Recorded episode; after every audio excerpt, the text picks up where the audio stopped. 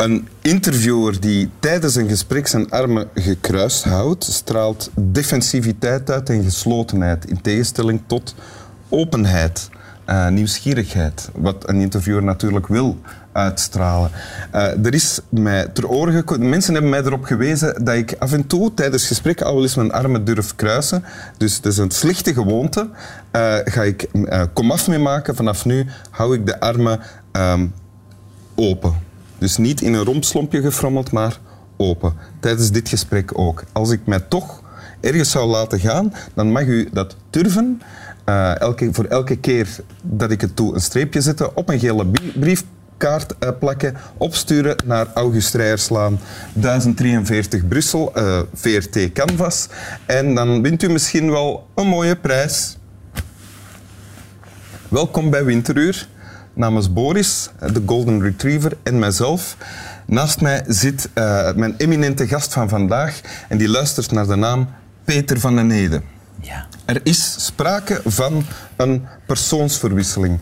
Uh, oorspronkelijk was het de bedoeling dat de acteur, de kalende acteur, uh, kale acteur, Peter van den, Ede, van den hier naast mij zou plaatsnemen. Maar wat al wel vaker is gebeurd, heb ik begrepen, in jullie beide levens, is er, uh, er is dus iets misgegaan, waardoor, deze, waardoor ik hier zit met deze Peter van den Ede. het, geluk, het gelukkige toeval wil dat deze Peter van den Ede programmator is bij de Vooruit, Kunstencentrum Vooruit in Gent, en daar uh, onderhand al tien jaar, denk ik, of langer? 13 jaar. 13 jaar. Um, ja, een literaire programmatie voorziet ook. Ja. Hè? En dan heb ik het voornamelijk over uitgelezen. Mhm. Uh, een programma waarbij je mensen boeken laat lezen en die mensen die hetzelfde boek hebben gelezen, dat laat bespreken voor een levend publiek Ja. op een manier die ook entertainend en licht genoeg is. Dat was het uitgangspunt. Ja. Ernst en luim. Ernst de en luim. ernst van uh, ja, praten, serieus praten. Of met de kwinkslag praten over boeken, recente boeken, oude boeken. Ja. Maar ook uh, luim, omdat er, uh, ja, er werd niet gekeken op een grapje, er zat muziek tussen, een tombola zelfs. Zat zeggen, maar het is toch nog, nog ja, het is nog ja. altijd, ja. eigenlijk ja. Ehm, Een vermenging van het verhevene en het banale. de hoge en de lage cultuur, enfin, al die, die uitdrukkingen die dan werden gebruikt. Terwijl eigenlijk het uitgangspunt relatief simpel was. We wilden een programma maken over het boek en vooral over de lezer. En niet beginnen met de schrijver in het middelpunt te zetten, maar de lezer en zijn of haar boek. En dat is zo goed gelukt dat dat ondertussen niet meer alleen in de Vooruit in Gent gebeurt, maar ook in scholen. En, Ja. eh, en je gaat op reis naar Antwerpen en Oostende en Leuven eh, met het programma. Hasselt. Hasselt. Eh, voilà. En het toeval wil dan ook nog eens dat ik de vleesgeworden incarnatie ben van de vermenging tussen het banale en het verhevene. Dat kan je merken aan van alles. Bijvoorbeeld aan mijn lichaamstaal, waarin geen enkel gekruist armpje te zien valt. Het siert. Ja. Ja, dank u. voilà, zo hebben we onszelf allebei ingeleid. Ja. Eh, Peter, wil je voorlezen wat je hebt meegebracht? ja. Peter van den Ede, niet de acteur, niet de kale acteur. Ik heb het idee dat dit wel eens een van de verschillen zou kunnen zijn tussen jeugd en ouderdom. Als we jong zijn, verzinnen we verschillende toekomsten voor onszelf. En als we oud zijn, verzinnen we verschillende verledens voor anderen. Punt. Oké. En voor onszelf zou je er eigenlijk kunnen bijzeggen, maar dat heeft Julian Barnes niet geschreven. Julian Barnes is de auteur van het Ja. boek waar dit uitkomt. Ja. Het boek eh, Alsof het voorbij is. Ja. Mhm. Waarom? Ja? Eh 2011 kwam het boek uit. Kreeg eh, geweldige, oh, kreeg geweldige commentaren in, eh, in, in Engeland. En ja, ik ben altijd op zoek naar goede titels voor eh, uitgelezen. Of voor mezelf ook. Of voor de combinatie van beide. Ja? En dacht van ja, Barnes die ligt al lang klaar met andere boeken op het eh, spreekwoordelijke nachtkastje. ja, want je moet altijd kiezen welk boek ga ik laten bespreken. Het zijn er drie, hè? Ja. Altijd drie die besproken worden. En, en ja, je wil iets recent, je wil iets klassieks misschien. Ook iets dat discussie kan opwerpen. Want drie boeken die door iedereen op applaus worden ontvangen, dat is niet altijd het beste programma. Ja. Ehm, maar dit had zo'n lovende recensies dat ik dacht, daar moet ik nu aan beginnen. Het was ook dun, dus dan begin je snel. Maar dat was fantastisch. Ja. Dat was eh, meteen een blikseminslag.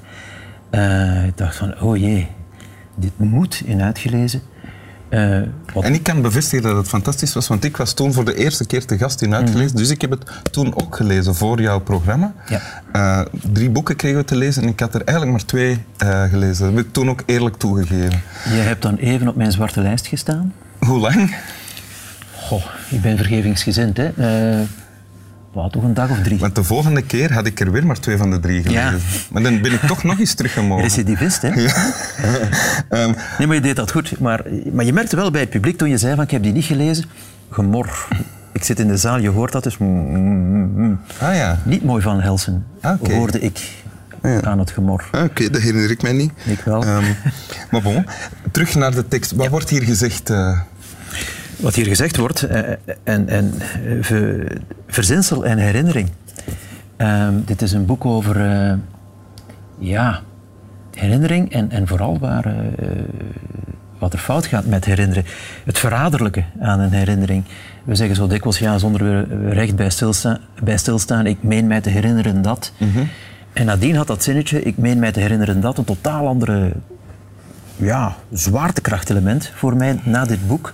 Omdat effectief heel dit boek is gebaseerd op een herinnering die niet blijkt te stroken met de realiteit. En dat is iets dat jou bijzonder treft, omdat je dat zelf in je leven ook al heel vaak hebt gedaan. Ja, omdat je er dan begint op te letten natuurlijk. Hè, van, van, van, Dat was eigenlijk een grap. Ja, maar, ja, maar het is nog waar ook. Want eh, in, in, in eh, wat privé dingen, dan blijf je het raden naar hebben. Had ik toen dat gezegd?